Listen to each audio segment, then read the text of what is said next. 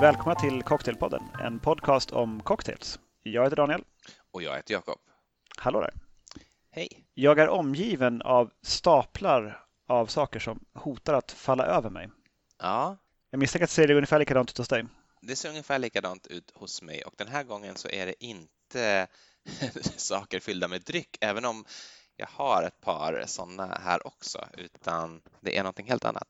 Ja, precis. För, och det upptäckte jag också nu, liksom att jag har ju jag har ju tydligen helt tappat konceptet när det gäller att köpa böcker i det här ämnet. För det är det vi ska prata om idag. Det är boktipspodd eh, om cocktailböcker.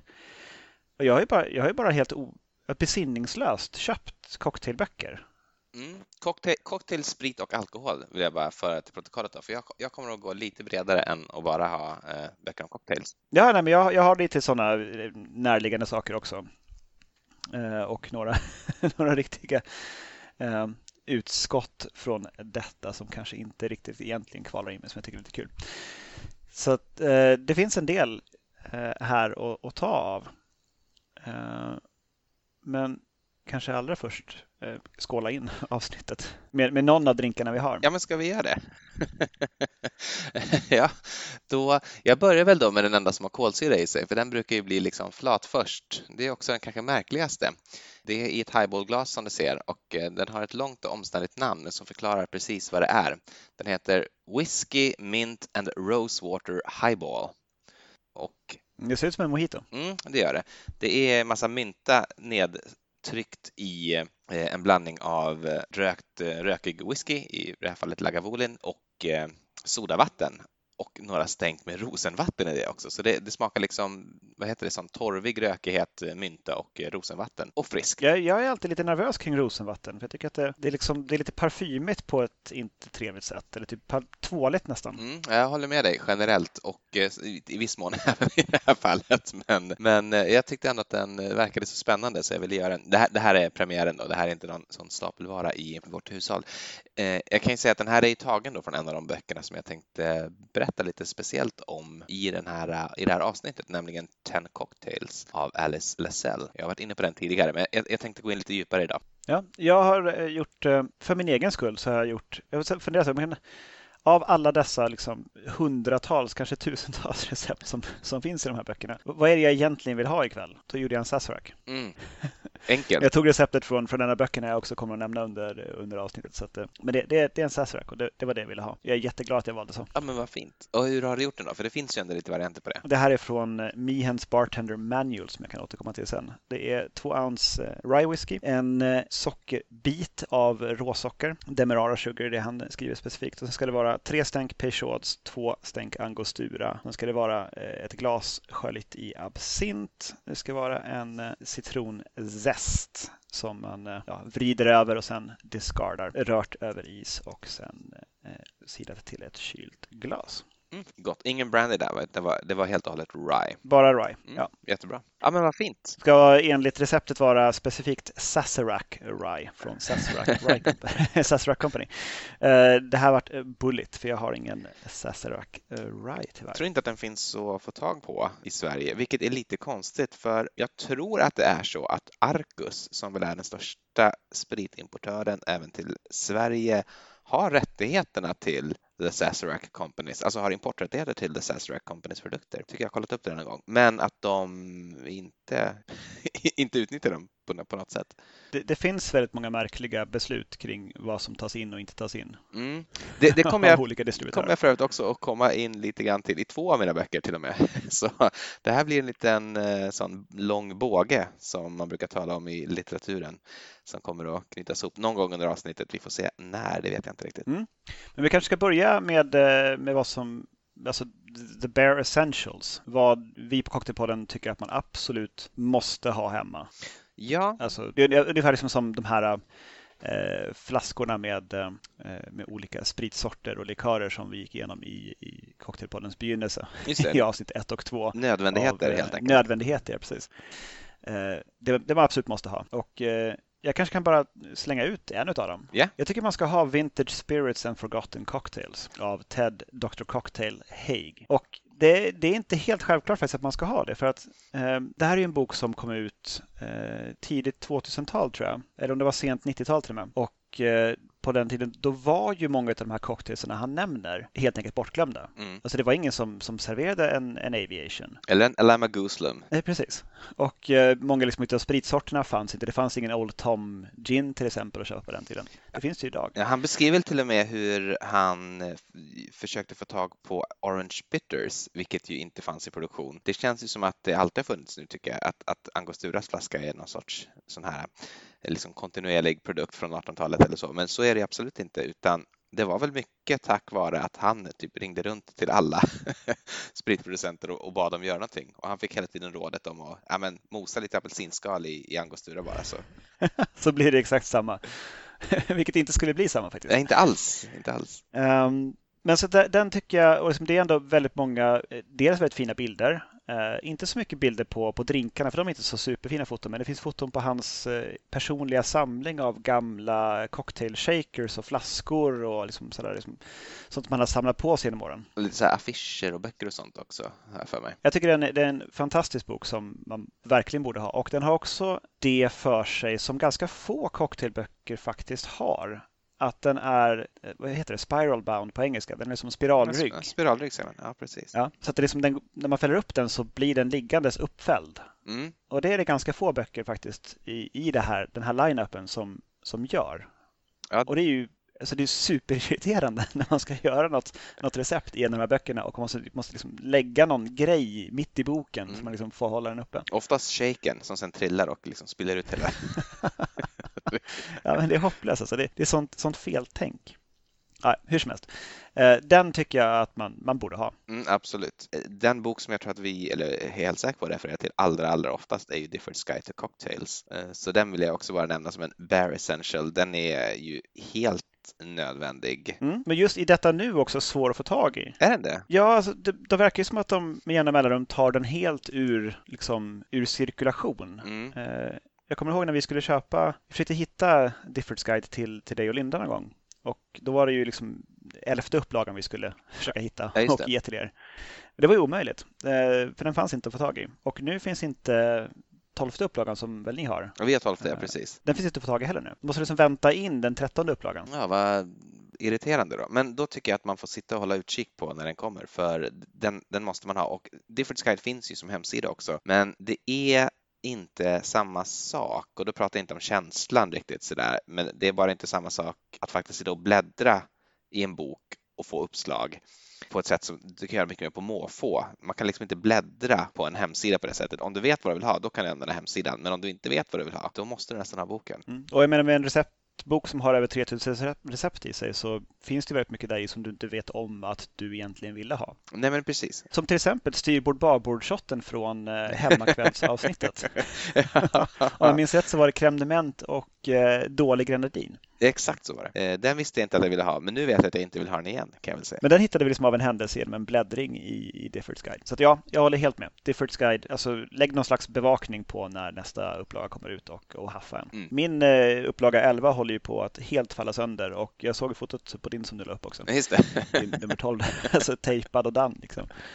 Men det, det, är en välanvänd bok. Den är inte heller, alltså den går ju att vika upp hjälpligt så att den håller sig någorlunda uppfälld, men inte riktigt. Ibland fäller den ändå ihop sig. Mm. Sen tycker jag att man ska ha Imbibe Mm. av David Wondrich. Ja. Går igenom cocktailhistoriken löst utifrån Jerry Thomas liv, men väldigt mycket avstickare och eh, berättelser om, om spritsorter och också med väldigt många historiska recept fast med en översättning så man kan liksom göra recepten idag. Ja, men precis. Fastän recepten är skrivna i, i ponies och eh, wine glasses och allt vad de kan vara. i. Ja, och sen så är det väl också, alltså det är saker som inte finns. Jag tänker såna här, vad är det, sockertoppar som man skrapar socker ur och sådär. Det är svårt att veta hur mycket är liksom tre skrap, det vet jag inte, men, men då har han ändå tagit reda på att ja, men tre skrap är ju det är ju en matsked, eller vad det kan vara. Då. Precis. Det är, vi, våran eh, Tom and Jerry som vi la upp i samband med julavsnittet, den är hämtad från Imbibe exempelvis. Visst är det lite så att eh,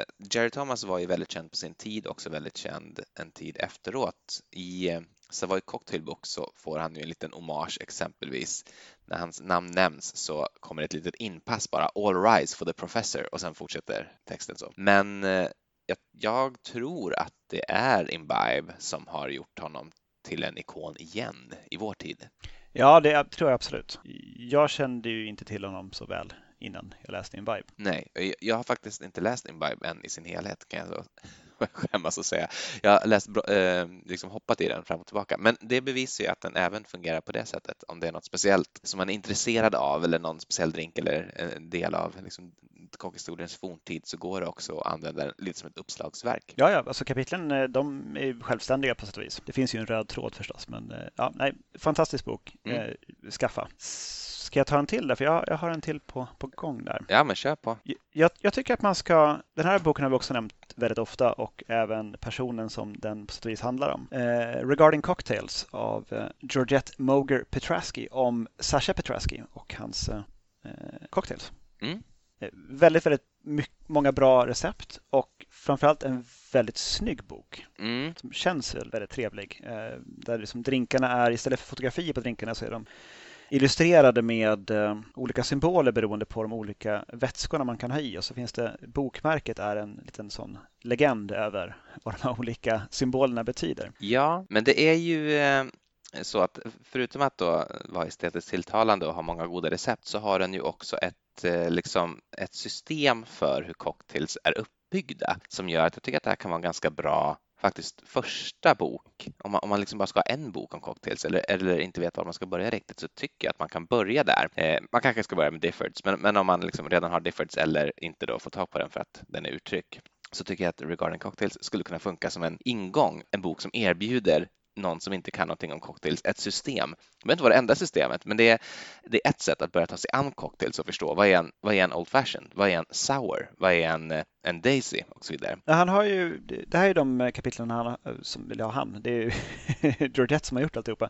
Men kapitlen är, det är Old Fashioned, The Martini and the Manhattan, The Sour, The Highball, The Fix, Punches, Flips and Dessert and Temperance Cocktails. Det är det som är indelningen då och sen så är det lite hur man gör sin egen cocktailbar hemma, hur man har ett cocktailparty hemma och sen så lite små artiklar om allt möjligt. Eh, från folk. Och även om hur man ska bete sig med varandra. Och det verkar, jag tycker att många av de här vittnena som lyfts fram i den här boken då, om hur han var handlar ju faktiskt om det. Att, han gav folk en kod att leva efter, inte bara sätt, att, liksom inte, inte bara goda drinkar utan också visade hur, hur man ska leva sitt liv på något sätt. Så jag, jag tycker att den är, den är väl värd att äga verkligen. Ja, Nej, det, den, eh, den hör verkligen hemma i, eh, i nödvändigheterna. Över till dig Jakob. Ja, eh, jag kan bara nämna några till då, här innan vi går in på, på, på, det som jag tycker är lite mer speciellt som jag, som jag har dykt lite djupare i. Jag skulle vilja nämna också Savoy Cocktailbook som jag absolut egentligen inte tycker är någon nödvändighet på det sättet, men som är lite av ett standardverk som det ofta refereras till och som det är därför är roligt att ha. Och den är dessutom väldigt vackert illustrerad och ganska roligt och rappt skriven och innehåller ju typ tusen recept av varierande kvalitet. Så Harry Craddocks Savoy Cocktail Book vill jag ändå ta med här i början. Jag vill också nämna Famous New Orleans Drinks and How to Mix them, vilket ju inte heller på något sätt är en nödvändighet, men den är också så oerhört rolig att man verkligen kan läsa den från pärm till pärm. Den är underhållande liksom och väldigt informativ, innehåller också jättemycket bra recept som var i, i cirkulation i New Orleans i, i slutet på 30-talet och den finns ju att hitta på den här hemsidan med vintage cocktailböcker som vi har talat om många gånger. Eh, sök bara på Vintage Cocktail Books fulltext så kommer ni att komma dit. Den har en sån krånglig adress och en sån EUVS-vintage-cocktail-books .cld.bz. Det, det, går inte att komma ihåg. Vad, vad, är, vad är det i VS ens? Jag vet inte.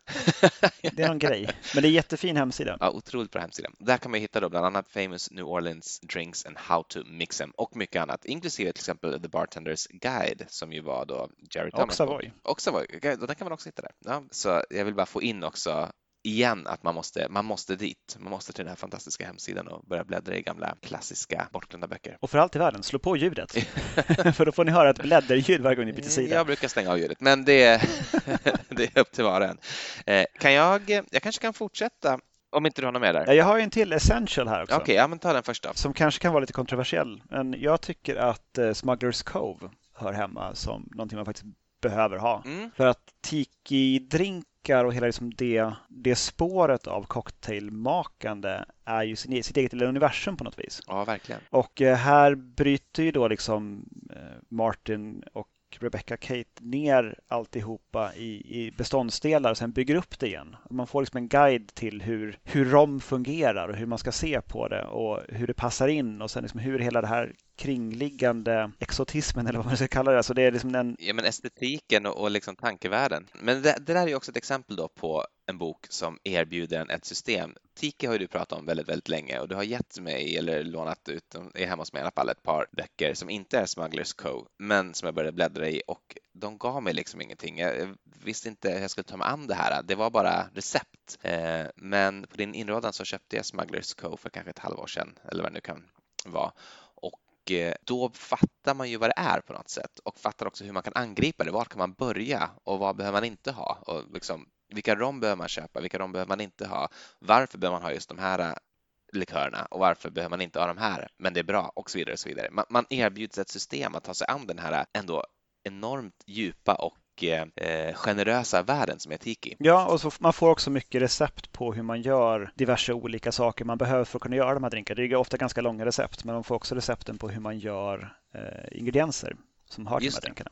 Så att, eh, den, tycker jag, den tycker jag är hemma och jag menar, ska man hålla på med cocktails hemma så kommer man till, som sagt till slut att hamna där att man står liksom med en 12 ingrediensers eh, drink med någon slags märklig eh, standmixer och en fryst urholkad ananas att hälla upp det det, det är bara en tidsfråga. Jag har apropå det en, en, en drink som kommer just från Smugglers Cove så jag kanske kan plocka fram den på en gång. Det, det är drinken Parisian Blonde. Jag vet inte om du har gjort den och känner igen sådär på rak arm vad det är. Men det är en ganska enkel historia. Jag serverar ett kopglas här. Eh, det är lika delar eh, blended aged rum och eh, torr curacao som man först rör med is och häller i då Coop-glaset. Därefter så ska man toppa med något som man kallar för sweet cream.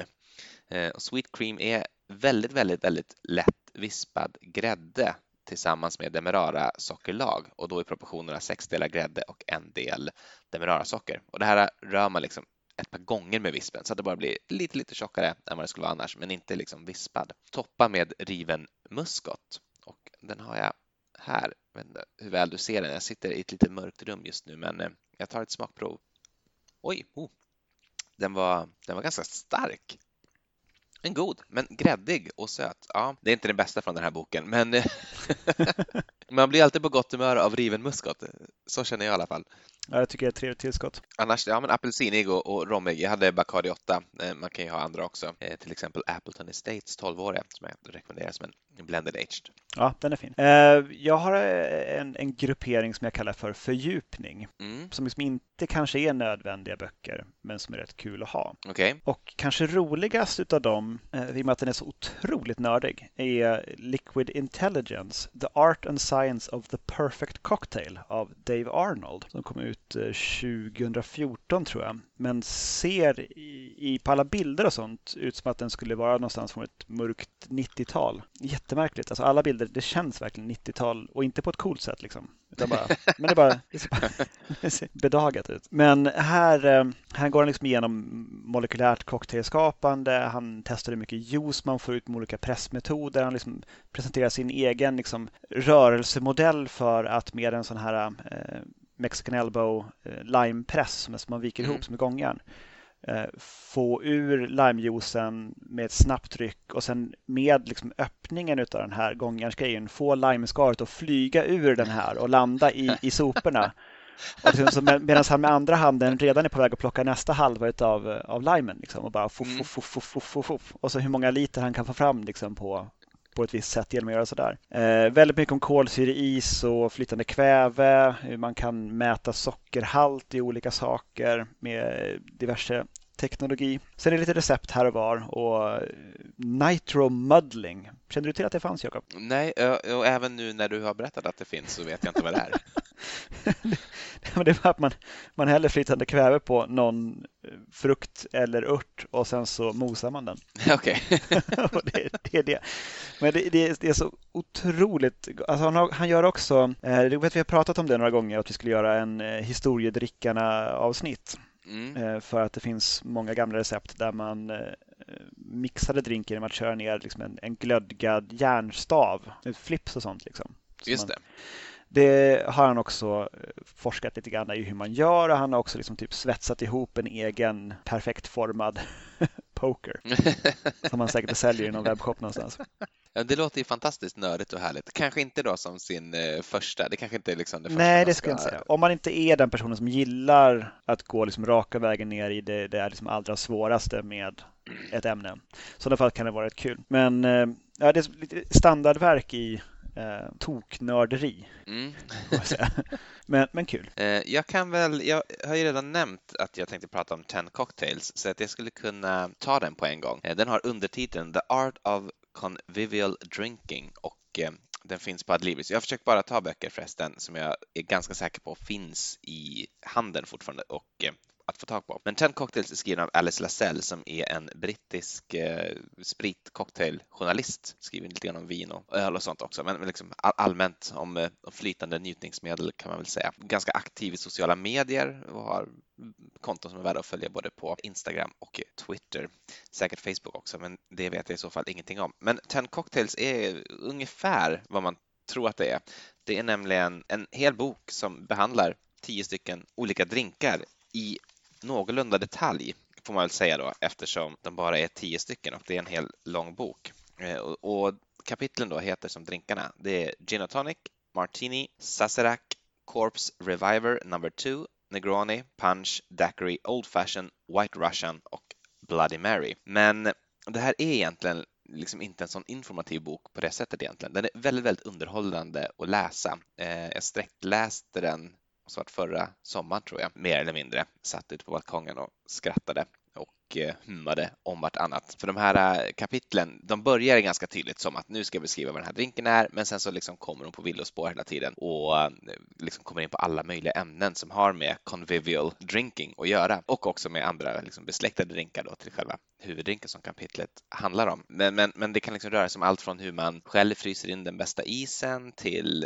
hur man ordnar ett cocktailparty till vad ska man tänka på liksom hos cateringfirmor när man hyr glas, eh, ja, men till precis vad som helst egentligen. Och om man ska säga någonting negativt om den då så är det väl att det är inte alls uppenbart vart den information som man är ute efter återfinns i boken. Det finns liksom inga ledtrådar av egentligen vilken drink som den ska handla om, som sen kapitlet kommer att handla om. Så att det är liksom ingen bok man riktigt har för att gå tillbaka till och titta hela tiden, utan det är en bok som man har och, och nöjesläser i ett svep, skulle jag säga. Medan man då kanske blanda till en och annan drink ur den här. Jag eh, sa att jag hade den här Rose Water eh, mint eh, whisky highballen. Den är tagen från Ten Cocktails till exempel och den är, den är ett av exemplen som hon har under avsnittet för Old Fashions så att hon ser det här som en variant av en Old Fashion då. Det tycker jag är lite att ta i, men absolut, jag, jag låter henne ha det.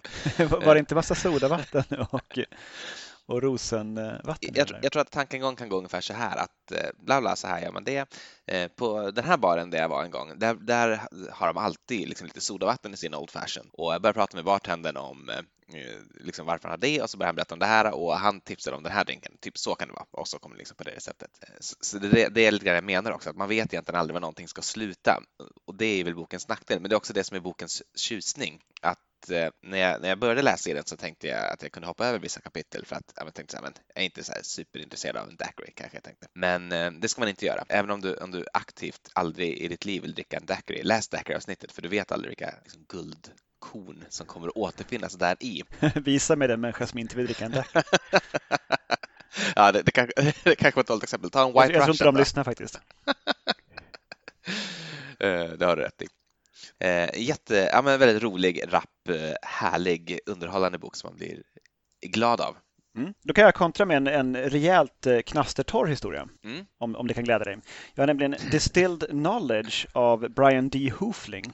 Eh, som lite grann åt det hållet som Liquid Intelligence är, fast, fast utan fina, eller hur man nu vill beskriva 90-talsbilder, men utan bilder och bara liksom med bara fakta om eh, alkohol, hur, hur jäsningen går till, hur destillationen går till, hur alkohol liksom påverkar smaklökarna, hur kyla påverkar smaklökarna, hur olika psykologiska influenser påverkar eh, ens upplevelse av alkohol. väldigt kul kapitel där de hade gjort ett försök med eh, att man, man lurade folk att de drack alkohol. Man fick liksom mm. en, en vodka tonic men hälften av gruppen fick reda på att de, det, det, är bara tonic och tonic och den andra hälften trodde att det var vodka i sin vodka tonic. Mm. Och de också liksom, de fick göra lite olika tester och sådär och betedde sig på det sätt som alkoholpåverkade människor hade gjort. Och man också kunnat se liksom att eh, om folk tror att de har druckit alkohol så beter de sig eh, mera aggressivt och mera framåt eh, trots att det bara är placebo. Ja, det är kul. Ja, det är roliga effekter. Så att den, eh, den här, eh, det är ju inga recept alls i den här, utan det är liksom hur, hur allting kring hur alkohol fungerar i relation till, till människokroppen. Mm. Och eh, bara det är lite kul. Distilled Knowledge. Ja, Brian D. Hoofling. The Science Behind Drinking's Greatest Myths, Legends and Unanswered Questions. Det låter mer spännande på undertiteln än vad det faktiskt är. Men alltså, det är lite sådana eh, stiliserade illustrationer. Jag tycker den är tjusig. Den, den kan jag rekommendera också kanske som sagt inte den första boken man köper. Eh, nej, eh, en bok som inte heller innehåller några recept direkt eh, och som också är då allt annat än knassetorr i och för sig, men, men, eh, men bara liksom avlivar myter och, eh, och skapar kanske nya då, är den här boken eh, som heter A Short History of Drunkenness skriven av Mark Forsyth. Mm. Det är han som skrev uh, The Etymologicon. Ja, eh, precis. En lustig karl. Jag, jag lyssnade på en, en podcast där han var med som intervjuoffer. Ja. Väldigt, väldigt, väldigt brittisk i hur han pratar också och boken är väldigt, väldigt, väldigt brittiskt skriven. Det är den verkligen. Har du läst den? Nej, Nej men han berättade väldigt mycket om, om den i den podcasten jag lyssnade på. Dem. Just det. Eh, verkligen brittiskt skriven och också alltså, ofattbart rolig nästan. Alltså varenda med, nästan uttröttande rolig.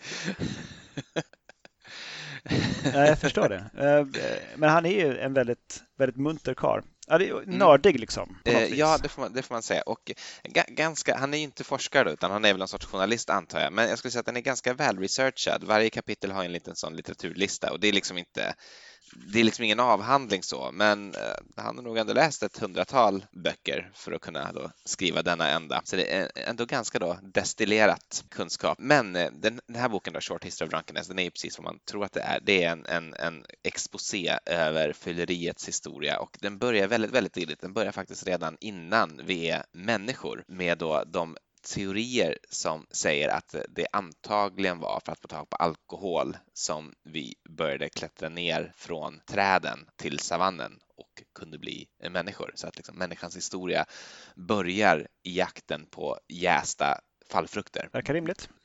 Det var väl också därför vi blev bofasta så småningom sen för att kunna liksom stanna kvar på en plats länge nog för att jäsa någonting.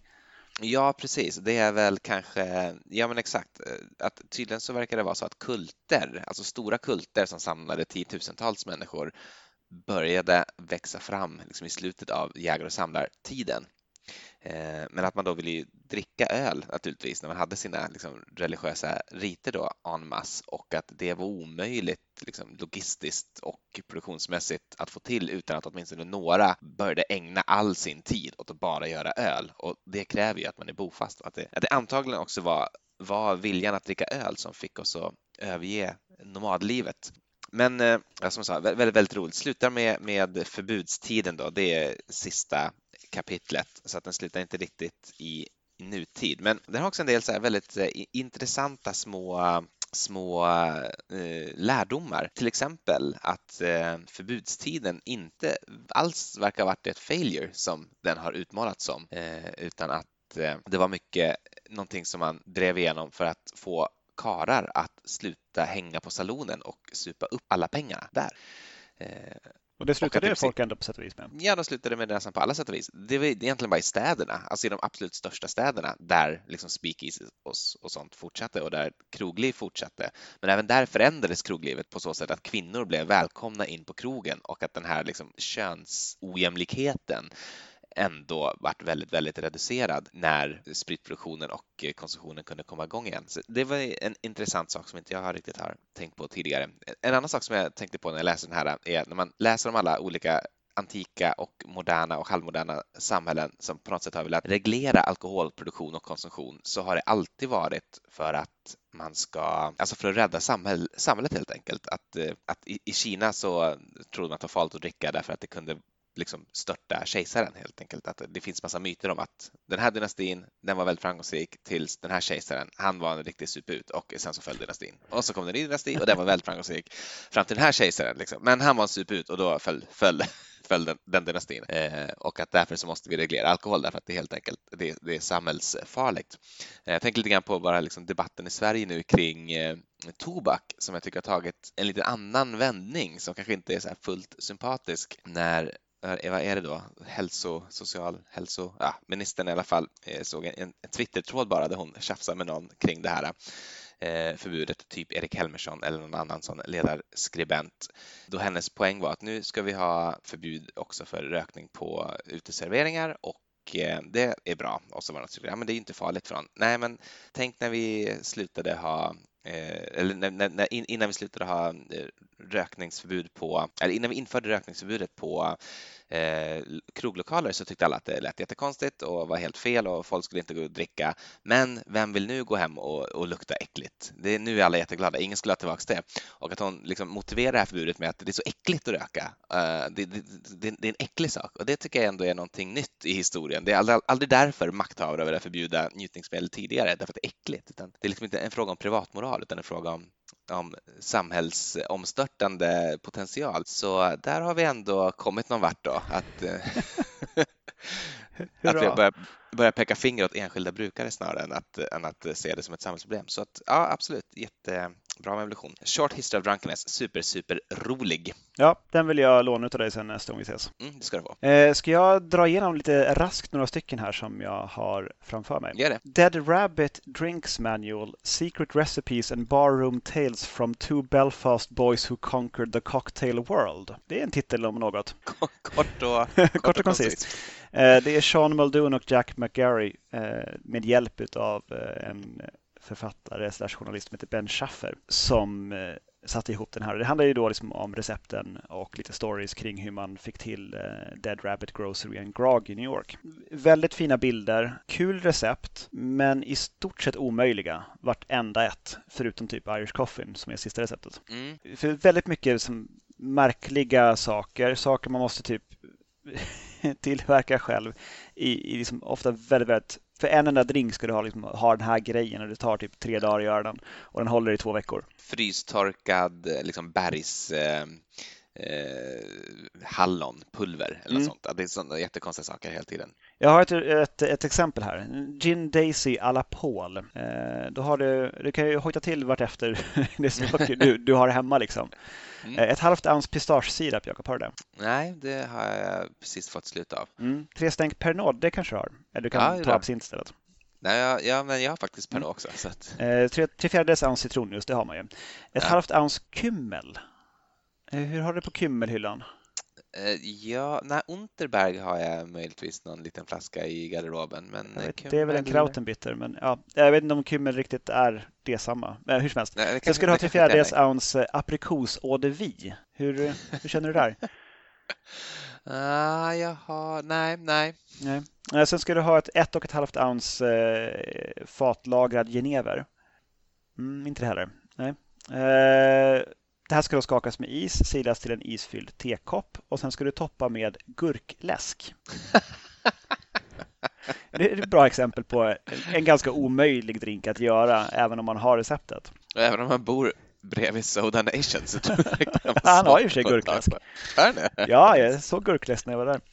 Ja, det, det kan du säkert lösa. Kan du genast springa, nu behöver du bara skaffa kymmel, pistagesirap och aprikos och det så är du snart hemma på den här drinken. Så att mm. tjusig bok, eh, småkul historia, men jag tycker den är skriven lite så här fånigt högtravande. Det, det var onödigt av dem. Mm. Det anar man nästan av titeln. Ja, men, men har man 200 spänn extra så liksom, okej. Okay. Köp Får jag föreslå att vi, att vi tar en till eh, drink här? För jag sitter mm, ju mycket bra. Min, du har ju flera stycken nu. Ja, precis. Min kompanjon och eh, hon har nästan druckit upp en av dem. Så jag tänkte vi ska hinna prata om den innan det tar slut helt och hållet. Absolut. Eh, och den jag har här är också taget från Alice Lasells eh, Ten Cocktails och det är en, eh, en eh, Pineapple Rum Sour eh, inte så himla svårt att, att, lista ut vad det är. Det är ju då eh, 6 centiliter Stiggins Fancy, eh, 3 centiliter citronjuice, 1,5 centiliter Demerara sockerlag skakat och hällt i rocksglas med is, dekorerat med ett litet citronsegel som ni kommer att kunna se på Instagram sen. Och eh, jag, jag bara vill få, hinna få en sipp av det här innan, innan det tar slut, för den är så himla, himla god. Mm -mm. Men det är förstås, det. det är en sour. Mm. Eh, den återfinns då under daiquiri-avsnittet, så det är väl rimligt där hon kopplar ihop daiquiris och sours. Eller daiquiri är naturligtvis en sour, men ja, du förstår vad jag menar. Eh, då kanske jag ska ta min, eh, min drink också. Eh, mm. Från boken Drinking Like Ladies av Kirsten Aman och Misty Kalkofen. Eh, en bok eh, där de har samlat kvinnliga bartenders recept och sen så till varje recept så har de skrivit en kort artikel om någon framstående kvinna som också kan liksom på något vis kopplas till receptet eller att receptet är inspirerat av den personen. Så här har vi ett recept från Ezra Star eh, som heter Elements of the Stars. Och då är den då skapad eh, till heder och ära för astronomen Cecilia Payne Gaporskin. Och då har du ett och ett halvt ounce Plantation 3-stjärnig rom, ett halvt ounce kanelsirap, ett halvt ounce citronjuice, ett halvt ounce Amaro Montenegro. Det här ska skakas på is och serveras i ett kylt glas. Och det är jättegott. Det är lite, jag hade velat ha lite mer citrus i. Men äh, nej, egentligen inte. Den, jag tycker den funkar väldigt bra. Kanelen blir väldigt, väldigt god. Mm. I den här. Och eh, det är svårplacerat lite grann vad Montenegro är för smak. men, men det är gott. Det passar liksom in. Men vad är det i det här som är Montenegro? Jag vet inte riktigt. Jag har nog aldrig smakat på Montenegro bara som den är. Du har väl alla möjligheter till Jo, men man kommer sig inte för att göra det ändå. Liksom. Det är ju en cocktailingrediens, ingenting man, man går och dricker i små likörglas. Nej, jag tror att du säkert eh, kan få det på is i Italien. Är det före eller efter maten? Ja, det kan ju det kan kvitta. Jag är faktiskt inte säker på det. Eh, hade du någonting mer du vill säga om den boken? Eh, den är tjusig. Det är små eh, stiliserade porträtt utav eh, de här kvinnorna som själva artiklarna handlar om. Då. Och lite citat. Och så är den uppdelad på eh, kapitel baserat på huvudspritsorten. Mm, Okej, okay. det är alltid bra. Mm. Var var vi någonstans? Ja, vi var väl, vi var väl typ där. Du höll på Massa att... böcker. Jag hade flera ja. böcker på gång där. Ja, just det. Men fortsätt jo, din... Eh, eh jag har en bok som är allt vad uh, The Dead Rabbit, den jättelånga titeln, borde vara. Nämligen Death and Co. Modern Classic Cocktails. Mm. Som också är från en, en, en, bar i, vill jag säga, New York. Ja, och det har väl helt eh, rätt i det. Den här är, som omslaget är i någon form av tyg tygmaterial, svart och med, med silver, silvertryck på. Och sen, eh, det här går de liksom igenom grunderna för eh, hur, hur en, eh, en bar fungerar, eh, hur spriter fungerar. Väldigt grundläggande. Liksom. Inte så mycket för hemmabartendern utan för, för att bygga en, en barbar. Och det är också mm. lite grann Mihens Bartender Manual som jag nämnde alldeles i inledningen. är också så att den är egentligen skriven inte för oss utan för folk som faktiskt håller på med det här på riktigt. Ja, men de är ju ofta bäst faktiskt, de böckerna. För det är, även om det är en helt annan sak så är det ändå inte en helt annan sak. Nej, precis. man kan ju göra mycket av det hemma också. Men mm. här, de går igenom hur ska man liksom se på, på garnishes och hur man håller man på det och det är väldigt mycket recept och eh, vad som är kul är att det är väldigt många recept från Phil Ward i och med att mm. han, mhm. eh, han är av Death and Co. Men vad bra, där har vi alla möjligheter att eh, hitta en ingång till att göra ett eh, Phil Ward-avsnitt i framtiden då. Ja, alltså jag, jag har ju längtat länge efter att göra det. Det är väldigt många bra drinkar som han har gjort.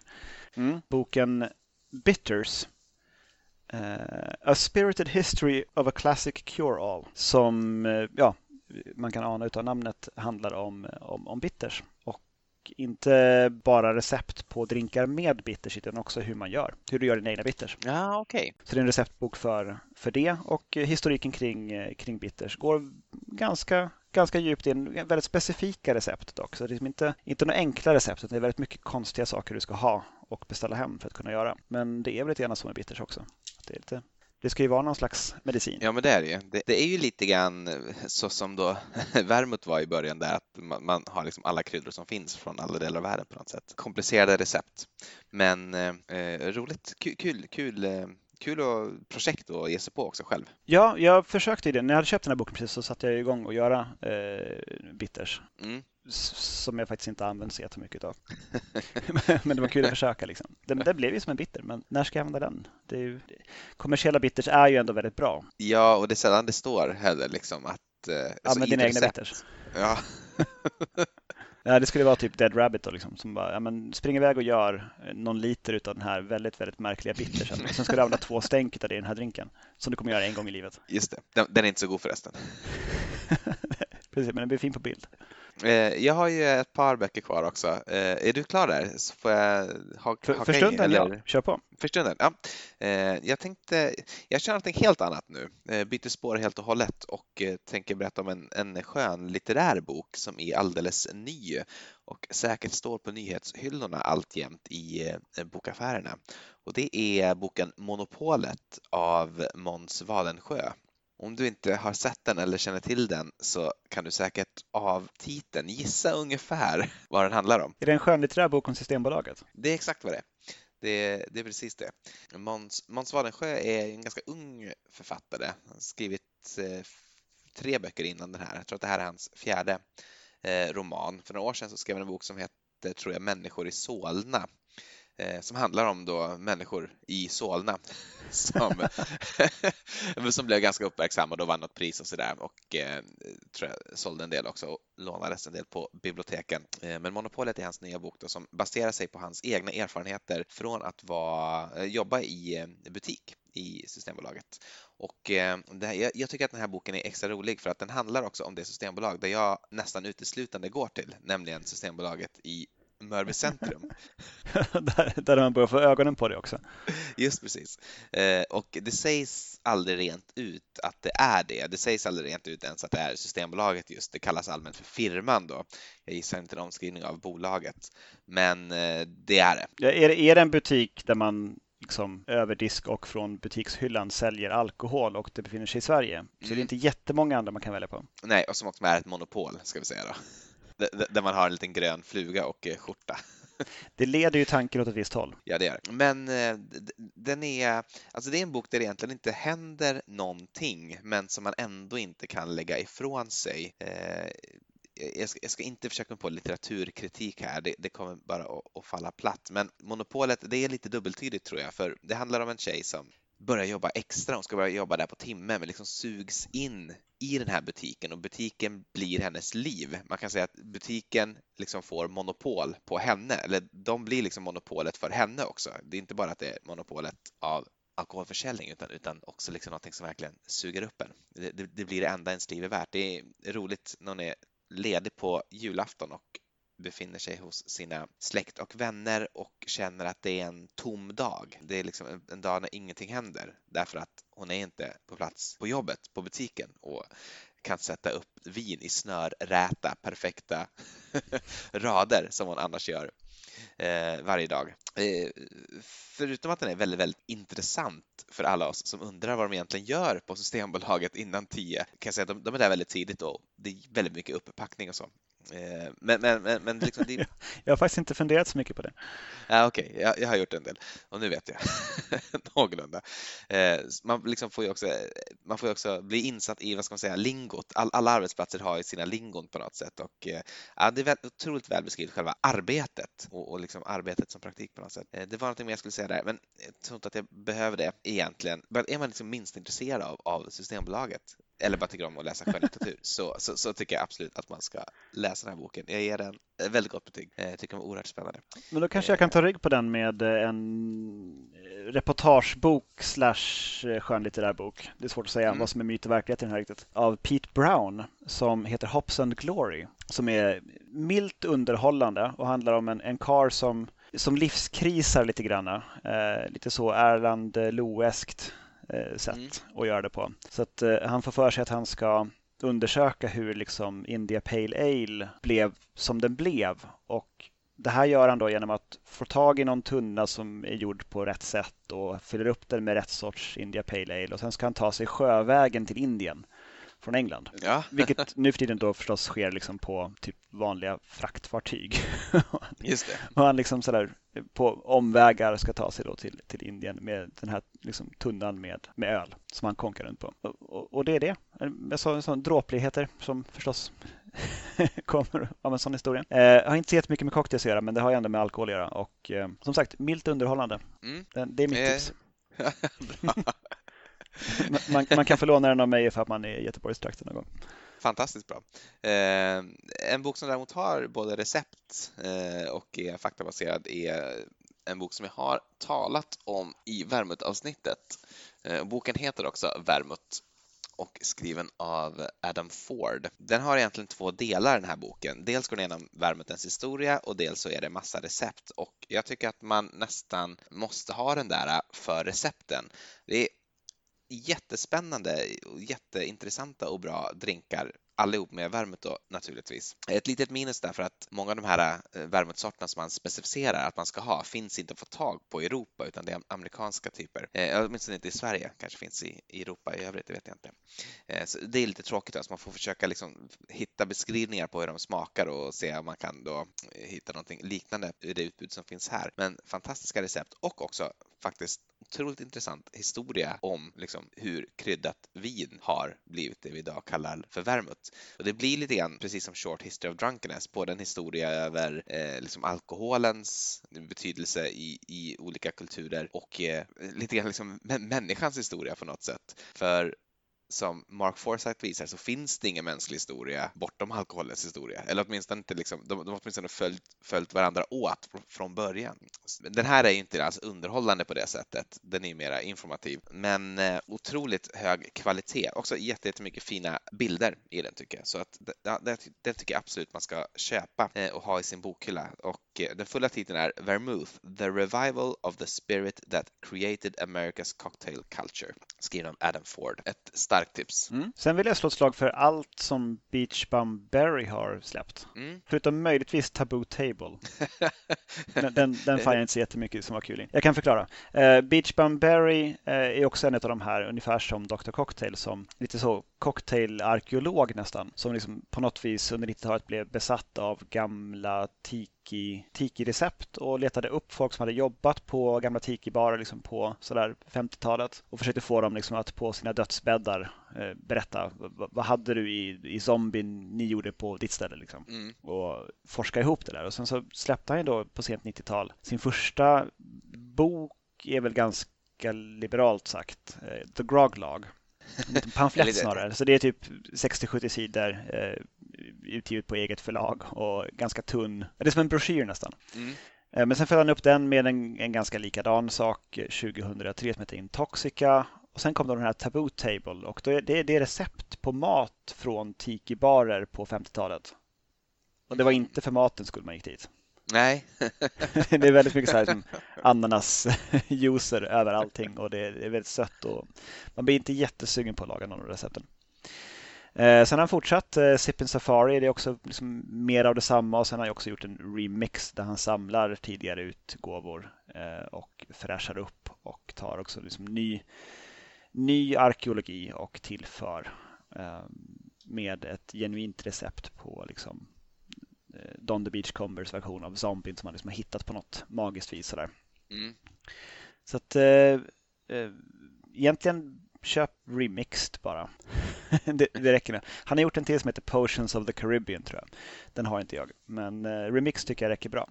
Eh, väldigt många recept, eh, små roliga inledningar, kul illustrationer och lite foton på så memorabilia från olika eh, nu utdöda tiki-barer. Men det är ju också någonting, jag tycker det är någonting så beundransvärt i det här bara, alltså samla ihop och redovisa på något sätt. Det, man blir glad av det, även om det bara kommer i form av, lite, eller kanske nästan framför allt när det kommer i form av en liten hemma liksom, tryckt pamflett, något sorts fanzin som visar ja. Ja, fanzin liksom, är nog närmast vad det var. Ja, ja. innehåller liksom den mest fantastiska information som man kan föreställa sig. Ja, och det, det, går fortfarande att köpa dem. Det finns för en del i nytryck, men det finns också eh, gamla utgåvor att köpa via tyska Amazon till exempel. Mm, så det, okay. det är där jag har köpt alla mina. Det går alldeles utmärkt att få tag i dem där. Kostar inte ens jättemycket pengar. Inte ens de som är liksom gamla. Så att, eh, ja, vad som helst av Beach Berry. Bra. Jag har, jag har nog egentligen bara en till. Innan jag pratar om den så vill jag också prata om en till drink som jag har framför mig. Det finns ingen som helst koppling mellan min sista sista bok och den här drinken. Den här är också tagen från Alice Lasells Ten Cocktails eh, och det är en variant av en martini som heter The Puritan.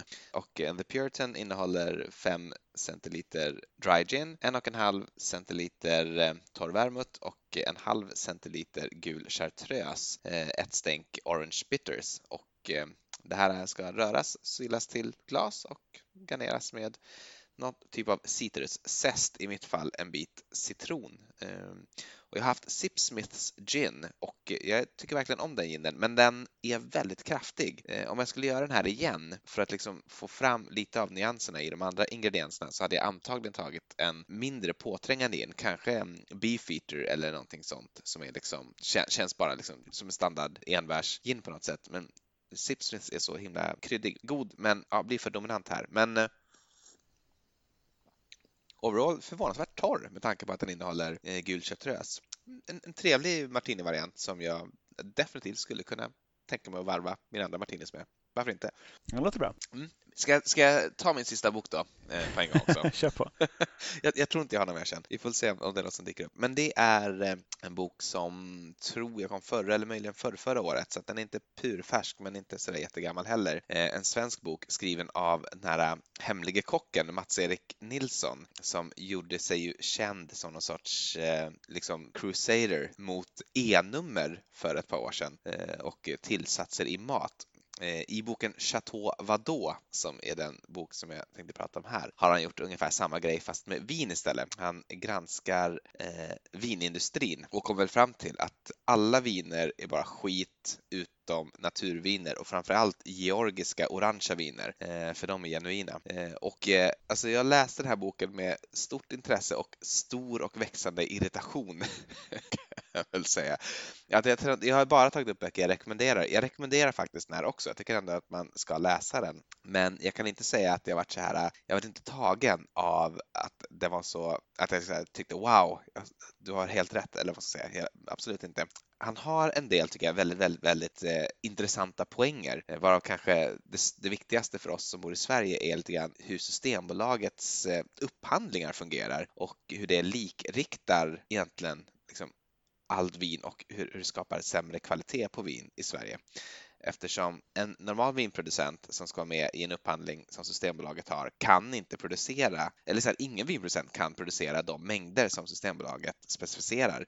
Så att för att kunna liksom tillgodose en upphandling så måste man gå ihop många vingårdar och liksom bara göra någon sorts sammelsurium. Systembolaget kanske säger liksom, jag vill ha en miljard flaskor av ett lätt ekat vin som ska smaka si och så och si och så. Och det, liksom, det finns ingen, ingen gård som kan göra en miljard flaskor. Och även om liksom de allra, allra största gårdarna kanske skulle kunna klara av det så är det ingen som bara vill ha en kund eh, utan man vill ha fler kunder för annars så sätter man sig i en väldigt stor risk. Så det gör ju att alla liksom viner som kommer är bara liksom ihopblandningar av, av massa viner som är liksom framtagna för Systembolaget och finns ingen annanstans. Eh, det tycker jag ändå är ganska intressant med tanke på att Systembolaget har lyckats sälja bilden av att de är en sån garant för kvalitet och eh, liksom det åker upp eh, vinkännare från Frankrike till Sverige för de vet att här på Systembolaget så finns de bästa vinerna till de bästa priserna och så där. Det är inte sant såklart. Det, det, det, det är bara, det är bara hittepå. Eh, han, han pratar också om hur eh, sådana vinrankinglistor som blir väldigt inflytelserika och liksom poängsystemet på att liksom ta fram vilka viner som är de bästa också likriktar vinerna därför att det finns en handfull personer egentligen som är de enda som man lyssnar på eh, i hela världen. Och om två av dem får för sig att Eh, vin ska vara, smaka ek, liksom. det ska vara ekade viner. Det är ett gott vin. Så kommer alla att göra ekade viner och det kommer liksom inte att finnas några viner som smakar på något annat sätt för alla vill liksom få bra poäng på just de här rankinglistorna. Eh, så att liksom själva systemet med att det finns några få rankinglistor skapar en väldigt stor likriktning. Det tycker jag är väldigt relevant eh, kritik mot hur vinbranschen ser ut. Vad jag däremot stör mig på väldigt mycket är hans kritik mot all typ av kontrollerad produktion. Så att han, man, man sväljer, man sväljer, eh, vad säger man, man, man silar mygg och sväljer kameler. Eh, jag känner att Mats-Erik Nilsson, han sväljer kameler och mygg och liksom allting. Eller om man liksom, eller om han silar det, vad, vad, vad som nu är vilket. Men det är som att liksom, i, eh, han kan tycka att allt som inte är, han har en föreställning om hur vin görs. Och den föreställningen är så här. På en liten bondgård så eh, har en liten bonde med sin familj några vinrankor. Av de här vinrankorna stoppar man i en stor tunna liksom, efter skörden och så trampar man på den och sen så blir det ett vin och det, det blir lite som det blir. Det tänker han att det är så vin görs. Och eh, han tänker också att så tror alla att vin görs. Och alla avsteg från det här, det är ljug eftersom man liksom redan när man kallar något för vin så har man liksom redan sagt att det har producerats på det här sättet. Eh, jag vet inte riktigt om det är sant, om folk liksom har den bilden. Jag har aldrig haft det i alla fall, så jag känner inte alls igen mig i det här. Men till exempel så blir han väldigt, väldigt upprörd när han inser att en del vin som är lagrade på ek är liksom lagade i ståltank fast med ekstavar, vilket ju är ett effektivare sätt att liksom eka ett vin än att faktiskt ha en ektunna. Det kan också vara ett betydligt miljövänligare sätt eftersom du inte behöver använda lika mycket trä som sen bara kan användas en gång. Men, men det ser han då som ett, ett, ett eh, fusk liksom, som borde förbjudas. Jag vet inte om jag riktigt håller med om, om, om det. Det är väl snarare liksom ett sätt att effektivisera produktion. Jag skulle nog snarare känna att om, om man tillsatte ekessens på konstgjord mm. väg så hade det väl lite lite mer varit fusk kanske. Ja, men det har han ju också som exempel, men han, han tycker att alla de här är likvärdiga. För honom är det liksom ingen skillnad på att, att ha ekessens, att ha ekspån, att ha eh, eh liksom en ek, eh, ekstavar. Eh, allt är likvärdigt, för allt är någonting annat än att sätta vinet i en liten tunna, trampa på det med fötterna och sen hälla det i ett ekfat. Eh, vilket är det sättet som han tror att det går till och därför det enda sättet som det kan gå till. Han har en mängd konstiga skop, till exempel han sitter med Google Earth och letar efter något slott eh, och sen får reda på att nej, det här slottet, eh, det, det brann ner. Eller ännu värre, när han, när han, han går runt i Google Earth och hittar, då, hittar slottet men tycker att slottet är fult. Och därför tycker jag liksom att så här, det här var inget fint slott. Det tänker man ju när något heter Chateau. Eh, och därför liksom tycker jag att det är också ett fusk, det är ett vinfusk. Och jag tycker så här, ja okej, vingårdens slott var fult enligt Mats-Erik Nilssons liksom estetiska ideal. Men jag vet inte riktigt om, det, om jag tycker det är så relevant. Eh, nästan tokig av vrede blir jag när han håller på och, och ondgör sig över när man kontrollerar jäsprocessen. Till exempel då att man kan ju bestämma vilken temperatur eh, vinet ska ha när det jäser för att få fram vissa egenskaper. Eh, och som ett bevis på liksom, den här ondskan eh, i, i det här sättet att producera vin, att ha liksom, en, en kontrollerad produktion, så säger han typ, han, var på, han är på någon typ produktionsmässa, vinmässa och där träffar han en, en producent av gäst och den här producenten säger att du kan få fram de här smakerna med min gäst om du gör på det här sättet. Och då menar han att då har man ju i förväg vet vad det ska bli. Det, då är det ju fusk. Och jag tänker att det, det är liksom, man måste kunna se skillnad på det och att tillsätta gift till exempel. Eh, det är väldigt sällan någon av hans då så kallade fusk att han kan visa eller ens har ambitionen att visa att det leder till någon försämrad kvalitet. Däremot ofta likriktning, vilket jag tycker kan vara relevant, men, men väldigt, väldigt sällan kvalitet. Det, det finns ett par exempel där han dock visar att eh, det här sättet att producera för att tillfredsställa de här smakerna som vill ha liksom, unga viner som smakar på det här sättet gör att de inte kan lagras lika länge som de kunde göra på 70-talet och så vidare. Och så, vidare. så där kan han ändå visa på någon sorts kvalitetsskillnad. Så där, där tycker jag kritiken är relevant. I, i, ibland blir den också nästan inte bara liksom, ibland blir den obegriplig. Eh, ta det här till exempel. Han han har en lång repa om champagne som då han försöker sätta dit. Dels på grund av att man återigen då kontrollerar jäsningen i flaskan, för det har inte han då, tror inte han att folk har koll på, att man faktiskt gör en andra jäsning i flaska eh, för att få kolsyran. Men, men framför allt så säger han att det här är liksom ingen riktigt, ingen riktig genuin produkt därför att det är överklassen i England som har varit den stora bidragande eh, liksom konsumerande faktorn som har gjort att det här har kunnat utvecklas. Inte georgiska bönder? Nej, inte, inte i franska bönder då, eftersom det görs i Frankrike. Men, men, men, men, men redan, redan, redan från början har liksom gjorts för en exportmarknad så är det inte en riktig nyttig produkt, då är det ett hittepåvin. Det här har man gjort för att tillfredsställa någons smak, inte bara något som man har gjort och sen så blir det som det blir och sen så kan folk tycka om det eller inte tycka om det. Han kommer hur som helst fram till att det enda vin som är värt att köpa, det är så kallade naturvin som man kan googla på om man vill. Det är ingen kontrollerad, vad heter det, sån kategori som betyder någonting speciellt, men i princip betyder det att man inte har till, använt några tillsatser och ofta också går efter den här så kallade biodynamiska principen att använda typ astrologi för när man ska Eh, plantera och när man ska skörda och sådär. Och han konstaterar att eh, visst, astrologi, det kanske man kan skratta åt. Men eh, kolla på den här vinskribenten då. Han skriver att de här är goda. Alltså är astrologin, den bidrar ju uppenbarligen med någonting. Så eh, som sagt, det, hör, det hör jag att jag är irriterad. Men samtidigt tycker jag att man ska läsa den, för den, den, har många bra poänger också. Och även, man måste inte heller hålla med om allting man läser. Och den är ändå väldigt, väldigt intressant tycker jag. Även om den också får mitt blod att koka ibland. Ja. Alltså, veckans rant från Jakob handlade alltså om Chateau Vadå av Mats-Erik Millesson. Just precis. Bra. Men kanske ska vi ljusa upp det hela lite grann då med en, en väldigt trevlig eh, liten bok som heter The Drunken Botanist mm. av Amy Stewart som eh, tar en lite annan approach till det hela och helt enkelt går igenom så gott som alla växter som försigkommer inom alkoholproduktion. Både som, eh, som råvara och som, som kryddor och allt möjligt. Så hur de används och vad de används till och vilka smaker de har och sådär och även historiska liksom, smaker och grejer man haft med. Eh, kan man till exempel få lära sig att eh, växten durra eller sorghum på engelska kan vara världens, om, om inte det så åtminstone topp typ fem eh, växter som används mest för alkoholproduktion i hela världen. Mm. Och det visste jag det, inte. Det visste inte jag heller. Men jag tänker att det kan vara liksom vin eller om det kan vara kanske vete eller majs eller något sånt där. Men vart eh. används det då? Då måste det användas i Asien väldigt mycket tänker jag. Afrika. Där är så många. Mm. Man jäser någon form av, eh, av öl, men det är också det, det är svårt att veta också exakt hur många liter som produceras på den här durra eller sorghum då för att det görs ofta, ofta i hemmet som en, liksom en ganska låg alkoholhaltig dryck men ändå en dryck som konsumeras i väldigt stora mängder. Men vad är durra ens? Jag vet inte ens vad det är. Så det är väl någon form av gräs det också tror jag. Det måste ju ändå vara, innehålla då nedbrytningsbart socker på något vis eftersom det kan bli alkohol av det. Ja, det ska det nog göra. Det går att köpa Durra faktiskt. Det finns Durra-produkter man kan köpa. Eh, jag bara gjorde en snabb googling nu, så man kan köpa ekologiska Durra-korn, man kan köpa Durra-mjöl, säkert på typ Ica också. Det finns på Risenta tror jag gör en, ser det ut som att det gör. En, ett Durra-mjöl som man kan baka bröd på. Det är någon form av gräs. Det verkar tydligen finnas också i Kina för framställning av spritdrycker, står det. Så att, ja, Jaha, då är det både Asien och Afrika. Det förklarar ju. Jag tänker eftersom om det ska vara liksom det mest använda måste det vara där det bor mycket folk. Ja, och där man också har en, en kultur som dricker mycket alkohol. Just det. Vilket i och för sig är hela världen. Så att, ja, ja.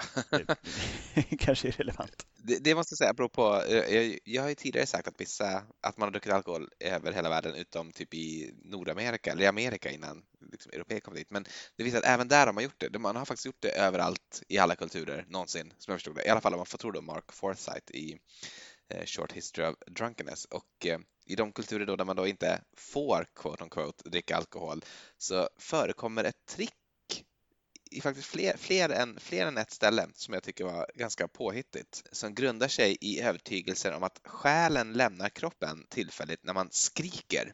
Man skriker liksom för full hals så lämnar själen kroppen och att då finns det i, i såna, en del liksom, kulturer där alkohol inte är socialt eller juridiskt eh, lagligt möjligheten alltid att skrika för full hals, snabbt så in i helvete tömma glaset liksom innan själen hinner komma tillbaka och, och därigenom undgå att liksom belägga själen med en synd. Och då blir man heller inte full eller? Jo, full blir man ju, men man, blir ju inte, men, men har ju inte begått en synd, för man drack inte medan man hade en själ. Alltså själen påverkas inte.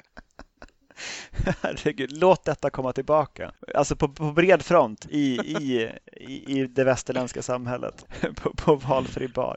På Erlands liksom. Bara tokvråla rakt ut och, och, slungar bak sin, sin tuxedo cocktail och ser jättenöjd ut för att man har liksom ändå inte liksom befläckat sin själ. Nej, och då är det, då är det lugnt liksom. Då, då, har man, eh, då har man klarat testet. Okej, vad roligt. Jag hade mer att berätta men jag tycker det är ett fantastiskt slutord. då så.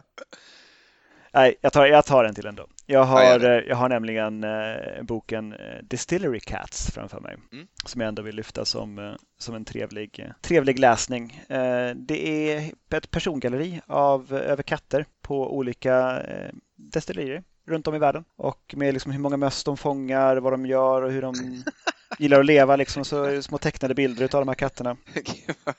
Fan vad random. Så små, små citat också som katterna här, liksom, olika kategorier, liksom job title, favorite toy, notable feature och sådär. Så, så man får som, ja, som en sån här liksom, typ en bok om mina vänner från typ låg eller mellanstadiet, eh, fast om katter. Det är fantastiskt, den vill jag ha. Gud vad härligt. det, är, det är en väldigt mysig bok. En liten, liten bok, men den är, den är läsvärd. Den är skriven av en Brad Thomas Parsons. Fantastiskt. Det tycker jag låter som en fantastisk avslutning. En fantastisk mysig avslutning på jag tror är ett ganska mysigt eh, avsnitt. Vi känner ju det i alla fall, vi som sitter här omgivna utav både cocktails och böcker. Det är en ganska bra kombination. Då. Vi får väl se vad eh, ni tycker. Ni kan ju skriva kommentarer om dagens avsnitt och vilket avsnitt som helst på vårt eh, Instagram där vi heter Cocktailpodden. Kan också mejla oss på gmail där vi heter också Cocktailpodden, at gmail.com. Just så. Och med detta så slår vi ihop boken för idag och säger skål och godnatt. Skål!